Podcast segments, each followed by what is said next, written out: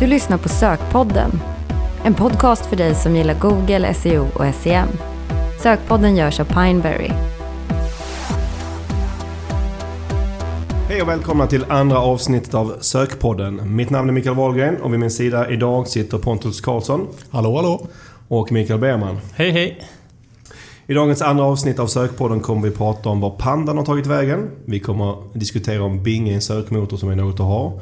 Och så kommer vi eh, lista de tre största myterna inom sök. Eh, för er som lyssnar på första avsnittet känner ni kanske igen min och min namn är Mikaels röst. Men Pontus, det är första gången för dig här i Sökpodden. Vem är du? Jo, jag är en av oss seniora sökmotorkonsulter här på Pineberry som är lite fokuserad på några av de mest komplexa vertikalerna i Sverige och tycker det är väldigt fascinerande. Sen har jag väl en, eh, en bakgrund lite i affiliate-segmentet och affiliate-projekt vilket gör att jag är fascinerad även av den delen av sökmotoroptimering kan man väl säga. Mm. Och om ni vill veta lite mer om vem Mikael och jag är så rekommenderar jag att ni lyssnar på första avsnittet där vi berättar lite kort om det. Och för er som saknar Viktor som var med förra gången så kan jag lugna er med att han kommer tillbaka till nästa avsnitt. Det är vi fyra här som kommer rotera i Sökpodden den närmaste tiden. Och ja, nu är det ju faktiskt inte så att vi är fyra utan det finns en femte person som är kanske ännu viktigare än vi fyra. Och det är Joel, vår ljudtekniker. Eh, han har tyvärr ingen mick men han sitter där borta, jag kan eh, lova er, han sitter där borta och vinkar till er nu. Eh, så stort tack till Joel som ser till att det här blir en podd. Eh, 600 lyssnare i första avsnittet. Wow, säger jag. Ja, riktigt imponerande faktiskt. Mm. Nej, det är stort alltså. Jag hade kanske tänkt att okej, får vi 100 lyssnare så skulle jag känna mig nöjd. Men, och det är lite svårt att veta hur många som är bra eller dåligt, men 600 känns väldigt många. Ja, med tanke på att en så speciellt nischad podd så är det väldigt imponerande faktiskt. Och vi har fått väldigt mycket glada tillrop, mycket mer än, än kanske för, för ibland andra saker vi gör, både på Twitter och på mail och på, på bloggen. Så att vi är väldigt glada för alla det. Och eh, ja, alla som har hört av sig dessutom till mig personligen har varit väldigt positiva. Ja, förutom då min eh, kollega, gamla kollega Caroline som, som sa att hon hade somnat till podden. Och nu sa ni i och för sig att jag inte skulle ta för illa upp för att hon brukar somna till poddar och radioprogram. Eh, men jag vet inte riktigt själv hur jag ska tolka det. Men jag hoppas Caroline att du lyssnar idag. Eh, och jag vill passa på att önska dig godnatt innan du somnar. I förra avsnittet pratade vi lite om våra favoritverktyg. Idag tänkte jag att vi kanske skulle prata om vilka som är våra favoritpoddar. Förutom då såklart Sökpodden.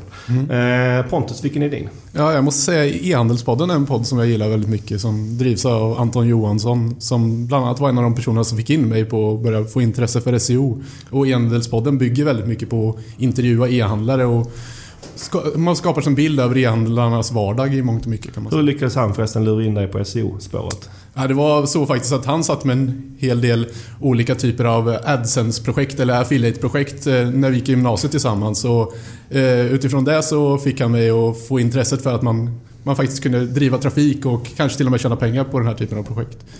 Jag lyssnar själv eh, eh regelbundet på e-handelspodden och tycker också att den är väldigt, väldigt bra. Och mitt favoritavsnitt hittills är eh, The Friendly Swede, Johan Lundqvist, som berättar om hur man bara kan sälja på Amazon. Och framförallt blir fascinerad av han jobbar med, kallade SEO, fast bara på Amazon-sök. Det var Ja. ett väldigt spännande avsnitt. Ja, det var väldigt spännande. Det var väldigt intressant hur, vilka andra rankingsignaler som Amazon har och hur de verkligen är en sökmotor för, för produkter på andra marknader. De finns ju inte än i Sverige, men eh, på de marknader där de är aktiva. Så om ni inte redan har lyssnat på e-handelspodden så rekommenderar vi starkt det. Och eh, Micke, vilken tycker du? Jag gillar en podd som eh, heter PPC Rockstars. Det är en eh, amerikansk podd som brukar snacka om eh, det köpta söket framförallt och då är det Google AdWords, Bing Ads och Facebook Ads som de tar upp. Och det som är roligt med den är att de brukar ha ganska kända namn i branschen som Brad Geddes och Larry Kim exempelvis som intervjuas. Och, ja, mycket bra tips. Eh, spännande. Eh, min favoritpodd är kanske inte så jättenära SEO, även om det finns vissa kopplingar. Och det är en podd som heter Freakonomics. Eh, ni kanske känner till en bok som, med samma namn eh, och det är samma gäng som står bakom podden. Och det är en eh, populärvetenskaplig ja, podd där man går igenom olika fenomen som man försöker utröna varför det är som det är. Bland annat så kan man i ett avsnitt få lära sig huruvida dricks borde vara förbjudet eller inte. Och det är en koppling som finns lite till SEO är att de tittar väldigt mycket på korrelation jämfört med kausalitet. Alltså vad som verkligen orsakar någonting. Men om ni vill lyssna på en lite annorlunda podd så kan jag verkligen rekommendera Freakonomics. Economics. Eh, men eh, nog om det. Då dyker vi ner i dagens första ämne. Och då frågar vi oss, var tog pandan vägen? Och, eh, men vi kan och bakgrunden till det är att den, det spekuleras i att den kanske inte har körts sedan, sedan den 24 oktober förra året. Eller hur Pontus? Ja, exakt. Och det är ju någonting som gör det väldigt komplext eftersom Pandan är ett algoritmiskt filter som bara troligtvis kört, körs ett visst antal gånger så gör det att de som har fastnat i en Panda då, tidigare den 24 oktober eller den 24 oktober inte kommer ut förrän nästa gång den körs. Vilket gör att den här diskussionen har kommit upp och blivit väldigt viktig. Och just Pandan är ju ett filter då som bygger på att slå mot lågkvalitativt innehåll. Och vad är då lågkvalitativt innehåll, Wahlgren?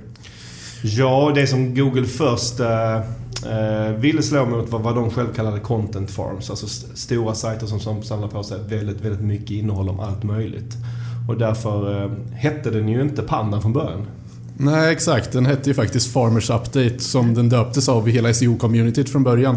Men eh, sen gick Google ut och döpte den efter ett, en av sina faktiskt eh, ingenjörer som hette namnet Panda. Och det kommer därför inte från djuret alltså, utan det kommer från en ingenjörs efternamn. Mm, och eh, det var ju en väldigt stor uppdatering när den kom. Den slog mot hela 12% av, eller den påverkade 12% av, av alla sökresultat. Och som en jämförelse, om vi jämförde med deras, dess djurkompis pingvinen, så slog den mot 3%. Så det var en väldigt stor förändring när den kom. Och det man kan lägga till där är ju dock att eftersom pingvinen slog mot de mest hårda vertikalerna, eller de mest aggressiva vertikalerna där det är lite tuffare, så kanske hade en större påverkan totalt sett än vad pandan hade på många sätt eftersom pandan var en mycket bredare uppdatering som slog mot de här innehållsfarmarna som syntes på i princip alla sökningar runt om i hela världen. Så man får en liten förklaring på jämförelserna mellan dem helt enkelt. Precis, så det, du säger är att, att eh, pandan, eller pingvinen, eh, slog kanske mot fler sajter, eller var fler som drabbades, medan pandan drabbade fler sökningar för de sajterna som drabbades syntes på så extremt mycket sökord. Precis, precis. Mm. Uh, Okej, okay, och det vi funderar nu kring är var har pandan blivit av? För att um, uh, i början så kom ju pandan lite med löpande uppdateringar men sen har vi ju varit i alla fall under intrycket att den, har kom, att den blev mer regelbunden, eller hur? Ja, jag hade en syn i alla fall, eller vi här på kontoret hade en syn att den rullades i början på varje månad mellan ja, ett tag första till femte, eller i alla fall första till tionde varje månad. Eh, och det var, såg vi på den datan på de sajterna som har varit påverkade av det här. Men eh, från 24 oktober så har både vi och även andra delar av SEO-communityt reagerat på att det verk, verkar inte varit några rörelser som är, korrelerar med just pandan. Nej, och sen eh, vår vän, eller vän eh, på Google, John Mueller, han eh, berättade i en hangout förra veckan en sak som lite ställde det här på ända. Kan man väl säga. För han sa ju att, att, eh, att pandan är helt och hållet manuell fortfarande. Ja, det var ju väldigt intressant med tanke på att det kom ut vissa rykten från olika håll från Google att den skulle vara en del av algoritmen till viss del. Ja, det nämndes ju även på, eh, som vi har läst, SMX West i USA för ett tag sedan, att den till och med skulle vara, eller finnas realtid. Det vill säga att den kördes hela tiden. Ja. Så, eh, så det han säger var ju tvärtom. Och det som var lite intressant om man lyssnar på den hangouten var ju att det var en av de som frågade som jämförde det med, han sa till den är det som att ni har en knapp? En, panda, en stor pandaknapp. Ja, det var en rätt rolig kommentar just när de pratade om att de skulle ha en stor plastknapp som helt enkelt vem som helst på Google kunde trycka på för att köra pandan. Men det, det gjorde han väl en liten... Ja, han backade ur på den men han sa att det, man kan likna det vid det. Ja, alltså i principen eh, sa han att det var så. Eh, att, att de, de, de, de måste göra någonting manuellt för att den ska köras igång. Eh, så den, den, den sista bekräftade pandan från Eh, Googles perspektiv var ju Pandan 4.1 som var september förra året. Sen är väl communityn övertygad om att det var ju senast, senast i oktober då, mm. Eh, månaden efter. Precis. Men och nu är vi ganska övertygade om att den inte har körts sedan dess, eller hur? Även om vi inte vet helt säkert. Nej, man kan ju aldrig veta helt säkert, men i så fall skulle det vara på en väldigt liten skala eftersom varken vi eller någon i SEO-communityt i världen liksom har reagerat på att något skulle ha körts. Så ja, det är väldigt troligt att den inte körts sedan 24 oktober. Och det var ju lite de tolkningar man även kunde ta från den här Google Hangouten med Müller, att den inte har körts Mueller, ja. att den inte har körts på den sista tiden. Ja precis, det var ju många som tolkade hans uttalande förra veckan som att det inte har körts sen dess. Å andra sidan var det faktiskt inte det han sa. Men, men indirekt så var det så det tolkades i alla fall. Jag kan förstå att det tolkades så men... Mm. Ja, det är helt klart mycket oklarheter kring det här. Eh, om det nu inte har körts, varför gör Google så här? Alltså varför uppdaterar de inte den? Ja, men det känns ju som att eh, de kanske inte själva alltid vet. Det kan ju vara en rimlig orsak. Eh, det kan ju också vara att de kanske fokuserar väldigt mycket på eh, mobilen just nu också. Ja, den stundande uppdateringen 21 april, det kan ju vara att de lägger alla krafter där. Och det du börjar med att säga mycket där, att, att de inte vet. Ja, det, det, det bästa citatet Mueller sa, där, jag vet inte om ni, ni som lyssnade på det förra veckan, det han börjar meningen med att säga I think. Exakt. Så han tror att pandan är manuell. Eh, så de, det känns ju som att det kanske inte är någon riktigt som vet även på Google. Vilket kanske kan tänkas konstigt, eller är det... Ja, det är ju lite lustigt med tanke på att han på något sätt tagit en roll där han frontar Search Quality Team, eller vad man ska kalla Och ändå så säger han I think, som om man inte riktigt har koll på vad som händer. Mm. Uh, och Google har ju själva gått ut och sagt att de inte ska berätta om några mer uppdateringar, vilket kan vara en del i det här. Men vår diskussion har varit lite så här, är det, är det en del av en eh, PR-strategi att de håller på och säger att de inte ska göra något och så gör de det för att få information eller, eller handlar det helt enkelt om att ja, de just nu fokuserar kanske på mobiluppdateringen och för att den ska bli så bra som möjligt som, som Mikael sa så, så helt enkelt så fokuserar de på den och gör tester på den och sen kanske pandan kommer i nästa skede. Så, så vi tror inte att de sitter och snickrar på en jättepanda istället? Kanske.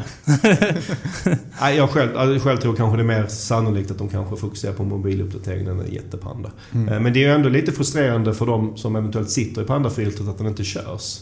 Ja, det är det som är problemet med de här algoritmiska filtren som jag sa att man måste ju, de måste ju uppdateras eller göras en refresh på för att man ska kunna komma ur dem och de som sitter kvar där tills, kommer ju sitta kvar tills den körs igen. Men då gäller det att ha gjort alla åtgärder som, som behövs för att få, komma, kunna släppa nästa gång den körs. Som du var inne på Pontus, vad, vad, vad, vad tror och tycker vi egentligen om det här? Det här att Google är så enormt otydlig kring de här sakerna. Tror vi att det är medvetet eller tror vi att det är omedvetet? Ja, det är väldigt svårt att säga om men jag, jag, tror det är ogenomtänkt i mångt och mycket men man kan ju som sagt, som jag sa, det kan ju vara någon form av strategi att man, man helt enkelt inte vill vara så officiell med information gällande uppdateringar och då väljer man en strategi att vara lite... I ena fallet släpper man någonting och i nästa fall så blir man påkommen av någon som påpekar någonting och då gör man, ett, gör man en respons som gör... Ger man en respons till den här personen helt enkelt. Ja, för det jag kanske tycker hade varit mest logiskt är att Google hade valt att antingen aldrig berätta om någonting. Det hade varit en, en, en, en sak som jag även som, om jag jobbar med SEO kanske tyckte var lite jobbigt, men jag hade ändå köpt det. Att det finns en logik i det. Eller så har de alltid berättat och varit öppen och varit konsekvent. Men nu är det någonting mitt emellan som gör att man inte riktigt vet. Men mm. jag håller med dig Pontus. Jag tror också, jag tror inte att det här är medvetet från Googles sida att de är så otydliga. Utan jag tror bara att det är så det är. Mm. Uh, Okej. Okay. Uh, vad kan vi egentligen göra åt det här förutom att spekulera? Eller är det bara, vi kan bara vänta och se helt enkelt? Vi får vänta och se när, när nästa panda kommer. Ja, det är inte så mycket annat vi kan göra gällande det här utan det är bara att ta nästa steg och, och försöka göra de åtgärder man kan göra för att komma ur en panda. Och sen får vi invänta och se vad som händer vid nästa körning och om den kommer vara en del framöver. Vad bra, men då gör vi som du säger, tar nästa steg och så går vi över till Bing istället. Eh, för Google är väl inte allt, eller är det det? Och vi kan börja med att fråga er två här. Eh, använder ni Bing överhuvudtaget? Nej. Eh, nej. Och det är även någonting som alla säger när vi pratar med dem. Ja, jag brukar, när vi föreläser så brukar jag fråga om det är någon som använder Bing och ber dem räcka upp handen. Det är aldrig någon som räcker upp, eh, räcker upp handen. Men det är ändå lite konstigt för det, det, det är ändå en del som använder Bing ändå, eller hur? Mm. Hur, hur stora är de i, i Sverige? Ja, ungefär 3% i våra undersökningar. Sen så är det så att eh, det är ju många myndigheter och så till exempel som har eh, eh, Bing bara för att de helt enkelt inte kan välja något annat. De sitter fast i en viss browser till exempel. Eh, så vi märker ju att det, det, finns ju ändå folk som söker på Bing. Ja, och eh, officiella siffror vi har eh, visar på att Bing ungefär, där, det, det bingas 600 000 gånger om dagen i Sverige. Och motsvarande siffra för Google är 40 till 45 miljoner, eller hur? Mm. Eh, om man är snabb på matte så inser man att det är inte riktigt 3% men, eh, men 3% är snarare de siffrorna vi ser i våra undersökningar. Skulle man ta de siffrorna här, de officiella siffrorna, så skulle Bings marknadsandel i Sverige hamna på kanske snarare runt 1,5-2%. Ja. Mm. Och sen finns det en liten lustighet kring, som man brukar, vi själva brukar säga, som inte vi egentligen kan ha någon, någon officiell källa på. Men vad är det vanligaste sökordet på Bing? Ja, jag tror att det är Google. Nej men det är Google. Ja. Och eh, det är ju väldigt kul. Eh, kanske inte för Bing, men det är roligt. ja, vi tycker det är jätteroligt. Ja. Eh, och vi träffade faktiskt Bing nyligen, eller representanter för Bing. Eh, Micke, hur var det? Ehm, det var kul.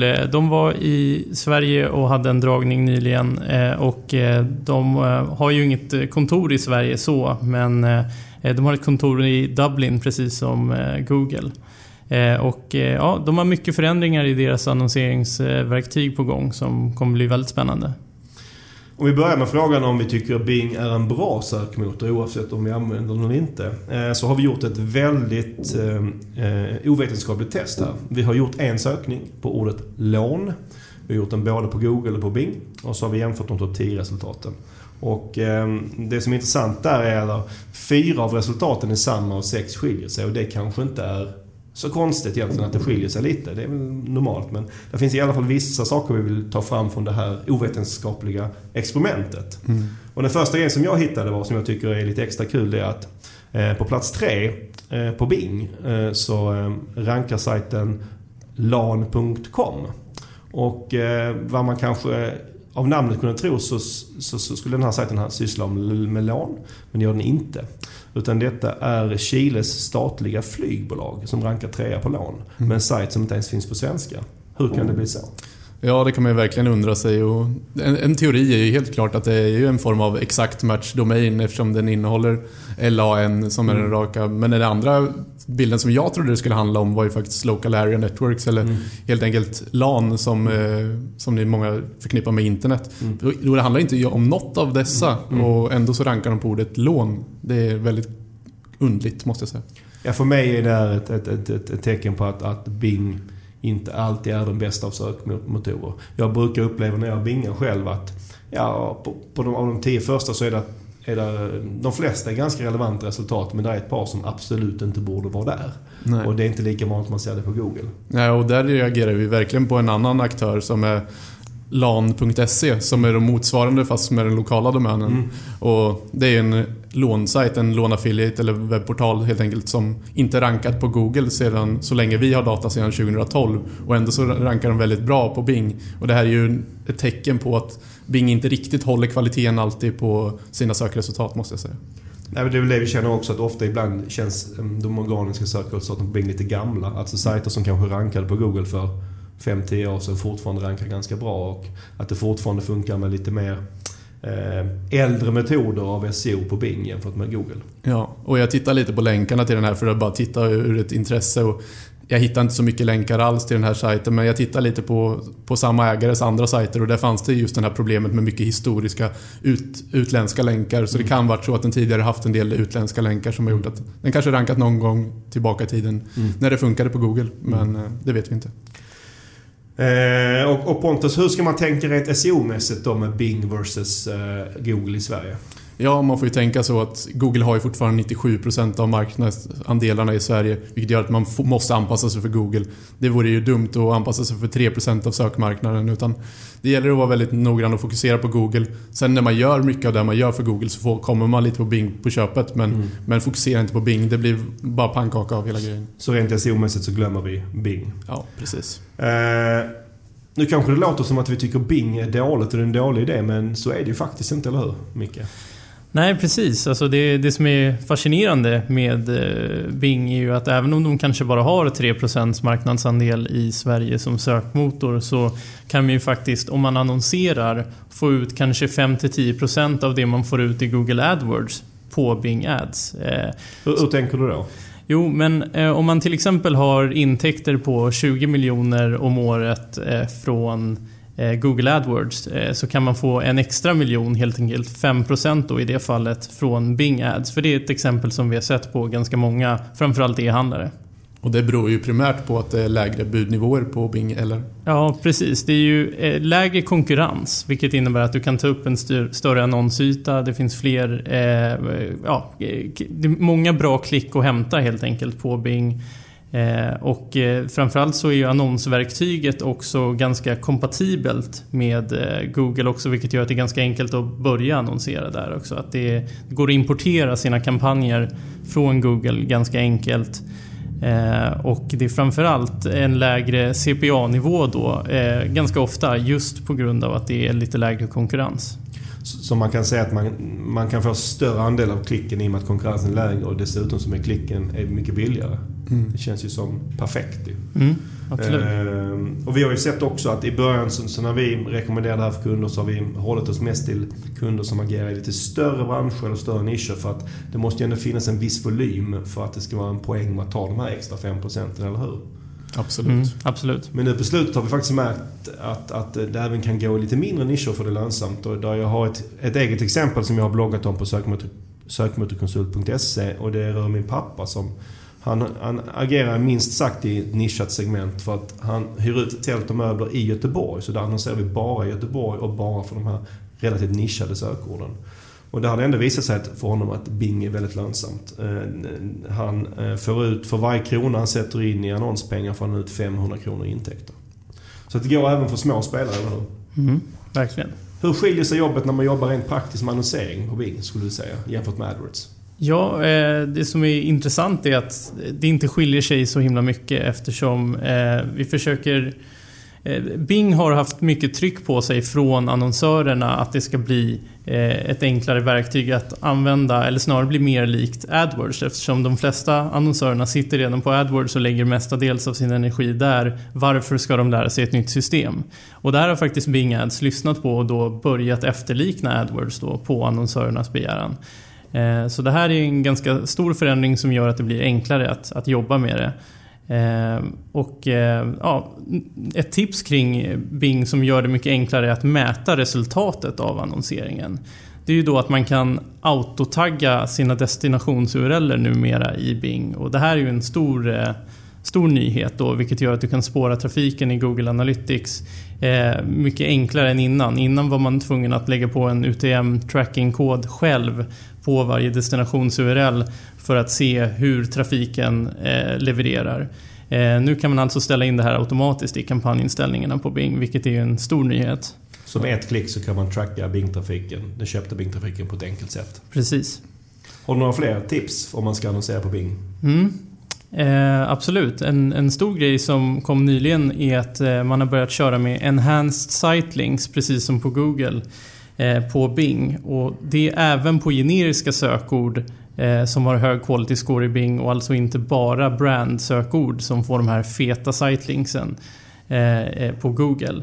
Och det här är en ganska stor förändring som gör att man kan ta upp väldigt mycket mer annonsutrymme och helt enkelt leda besökarna rätt snabbare på sajten med hjälp av de här stora sitelinksen. Eh, sen så en, en, annan sak som är ganska intressant är att man har börjat la lansera shoppingkampanjer i Bing i USA då. Eh, så på Bing Product Ads heter de och de är live i USA just nu. Och eh, vi kan ju bara spekulera om de kommer till Sverige men eh, det är ju ganska spännande att se och det verkar ju även det vara ganska integrerat med Googles verktyg så att det är ganska lätt att börja med dem. Men det funkar än, ännu bara i USA. Och det kan man ju förstå lite med tanke på att Bing har så mycket större marknadsandel i USA att de, de är väldigt fokuserade där. Liksom. Hela Bing Ads-systemet har ju en stor marknadsandel där. Precis, det rör sig om ungefär 30% i USA då som är då sammantaget eh, Yahoo och Bing. Så de har ju en väldigt stor marknadsandel. Men vi vet inte om det kommer till Sverige och, framför, och framförallt inte när. Nej. Nej. Men om det kommer så kommer det såklart vara väldigt intressant för alla svenska e-handlare att även köra shopping på Bing såklart. Framförallt för stora e-handlare. Absolut. Vad bra, då lämnar vi Bing och så eh, tar vi den sista punkten för dagen där vi ska, eh, har vi listat tre myter inom sök. Och på plats tre, Micke, vilken är på plats tre? Ja, på plats tre är, eh, ja ja, det är en riktig klassiker. Det är det här med att ingen klickar på AdWords-annonserna. Eh, det är ju ganska många som, eh, man brukar höra ibland, nej men jag klickar aldrig på annonserna. Men vi vet att folk klickar på annonserna. Ja, precis som vi berättar för Bing så brukar vi fråga, är det någon som klickar på AdWords-annonserna när vi är ute och utbildar och föreläser? Och man får ungefär samma svar där, att det är ingen som klickar på dem. Nej, ni kan ju själva testa och fråga era kollegor om de brukar klicka på annonserna. Jag lovar, det är många som kommer säga att de inte gör det i alla fall. Mm. Ja, precis, och det är ju ganska fascinerande eftersom eh, Googles intäkter var närmare 600 miljarder kronor under 2014. Och cirka 95% av dessa var från annonser. Så det är klart att folk klickar. Och eh, ja, visst klickar vi. Absolut. Ja, eller hur? Eh, och, och, men var, var, varför, varför tror ni att den myten finns? Och varför säger folk att, och vi att man inte klickar när vi ändå gör det?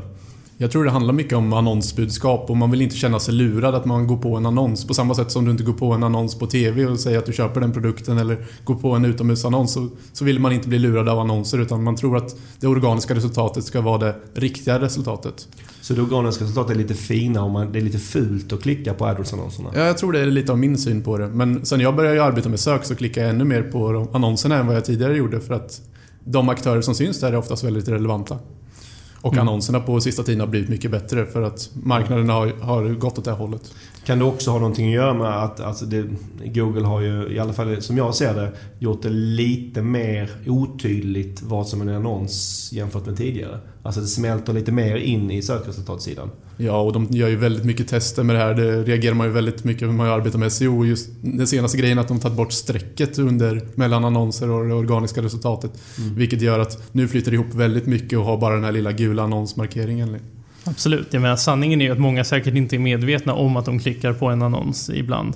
Eh, men, men visst klickar folk och jag menar, Wordstream i USA gjorde en undersökning där de skrev att på kommersiella sökningar så är det alltså 64,6% av klicken som tillfaller annonserna i, sök, i det sponsrade sökresultatet och alltså 35,4% i det organiska. Och det här är alltså konkurrensutsatta segment som är kommersiella sökningar då med avsikt att köpa.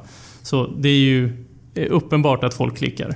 Ja, och, och för inf mer informationsrelaterade sökningar så är det klart färre som annonserar. Då är det färre som klickar på just annonserna. Men, Absolut. men, är det, men på kommersiella sökord så, så, så är det ju det kanske inte lika extremt i Sverige alltid för vi har kanske inte lika stort annonsutrymme i sökresultatet. Men att en väldigt stor del av de som googlar klickar på en annons, det kan vi det kan vi säkerställa här och vi kan avfärda, avfärda myten om att ingen klickar på annonserna helt enkelt. Absolut. Då eh, hoppar vi till plats två Pontus. Vem har vi satt på plats två? Eller vilken myt har vi satt där? Ja, att eh, den klassiska myten är också att eh, har du mycket trafik på din webbplats så, så syns du bättre i Google. Du rankar bättre helt enkelt. Och det här är ju en myt som, som många tror, men, tror faller in. Men problemet är ju att Google skulle aldrig kunna använda den här typen av information för den är väldigt, väldigt lätt att manipulera. Och problemet med alla olika signaler som är lätta att manipulera är att det skulle vara ganska enkelt att ta bättre positioner om det var en stor rankingfaktor. Mm. Och det, det gör ju att ja, det är svårt för Google att använda det här som en rankingfaktor. Och det andra problemet som är väldigt tydligt är också att var skulle de få datan om, om hur mycket trafik en sajt genererar? Var skulle de få den datan ifrån? Ja, vissa sajter har ju, inte alla, men en hel del sajter har ju Google Analytics. Så teoretiskt ja. sett skulle de kunna ta det därifrån. Ja, rent teoretiskt sett så har ju Google den datan, men problemet är att om man tittar på vad jag har hört, om man tittar på deras policy, jag har inte läst den själv, men om man tittar på den policyn så skulle de göra det, ta den datan och använda det som en rankingsignal så skulle de bli ganska hårt stämda i USA. Det är ungefär min, min bild av vad som skulle hända om de börjar använda den som en rankingsignal. Ja, det är lite kanske tveksamt. För det första om de får använda datan och sen dessutom så är det ju inte så att alla sajter använder Google Analytics. Så det, det, det, skulle vara, det, det hade inte blivit en komplett signal ändå. Men varför finns den här myten då? Och om vi nu har konstaterat varför de inte kan ha det. Varför finns myten? Varför tror man att det är så här? Ja, men en, en webbplats som har väldigt mycket trafik är ju oftast väldigt relevant för det är många som besöker den. Mm. Och det är klart, det finns vissa synergier med att en webbplats som har mycket trafik får även mycket länkar, de, har, de blir omskrivna mycket, den typen av aspekter. Så det finns ju mycket synergier mellan just en stor webbplats som har mycket trafik och hur den rankar oftast. Mm. Så det är ju ett mått av kvalitetstecken på en sajt om den har så att säga mycket riktig trafik. Absolut. Men vi kan ändå avfärda även denna myt. Eh, då har vi kommit till plats ett. Joel, kan vi få en trumvirvel innan jag börjar?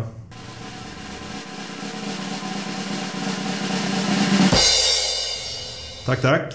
Eh, och på plats ett, vi kunde ju inte undgå det här, men på plats ett har vi att sociala signaler boostar din ranking. Och det finns väl kanske ingen myt och ingenting som har orsakat mer käbbel i vår bransch än just att sociala signaler ska vara en, en viktig faktor för Google. Eller hur? Nej, verkligen inte. Det är, det är ju den man, man springer på nästan en gång i veckan, att det är någon som påstår att det är en viktig faktor.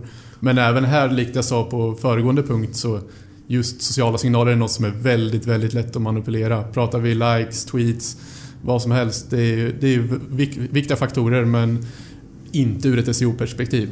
Men logiskt sett skulle man ju också kunna, kan jag tycka, också här att har man mycket likes och har man mycket retweets eh, så är det också någon form av kvalitetsstämpel på att okay, du är relevant. Borde det inte vara så? Absolut, det kan vara en, eh, att du kan vara relevant men mm. Eh, problemet är ju också att Google och Facebook och Twitter är tre, kom, som, tre konkurrenter som slåss om marknaden för, för internet, internet, den stora internetmarknaden. Och skulle då de här börja dela data mellan varandra så skulle de ge bort sitt, sitt försprång på den information de har. Jag håller, precis, håller med om det. Det skulle kännas osannolikt att Google skulle vilja dela data med kanske Facebook som är deras värsta konkurrent. Och eh, just likes från Facebook kan ju inte Google alltid själv spindla av. Så att även om de skulle vilja ha datan så kanske inte de ens tekniskt kan det. Och om vi, när vi snackade om pandan tidigare så var vi lite eh, inne på varför Google är så otydliga kring saker och ting. Men just när det gäller sociala signaler så har ju faktiskt Google för en gång skulle varit extremt tydliga.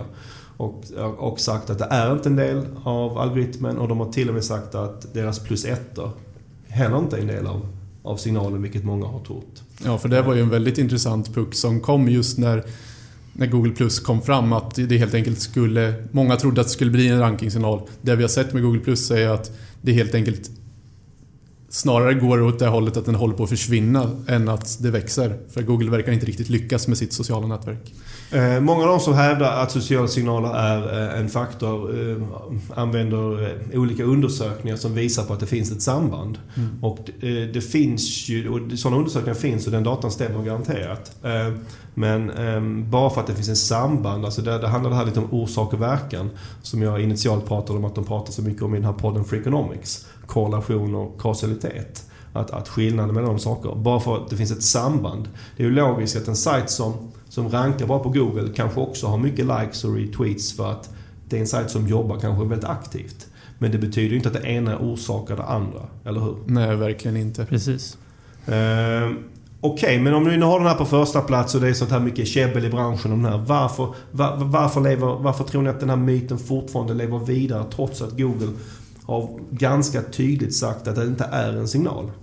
Många vill väl att det ska vara en signal. Man tänker ju oftast att den här populära sajten eller det här populära varumärket borde eh, synas här och där och man förväntar sig eh, väldigt mycket på något sätt bara för att man har en viss, viss bild av hur sökresultatet ska se ut enligt en själv. En subjektiv bedömning. Men det är väl så att sociala medier är en så stor del av vår vardag och många likes brukar betyda ja, att det är något bra, det är något populärt. Eh, och då förväntar sig folk att det ska påverka.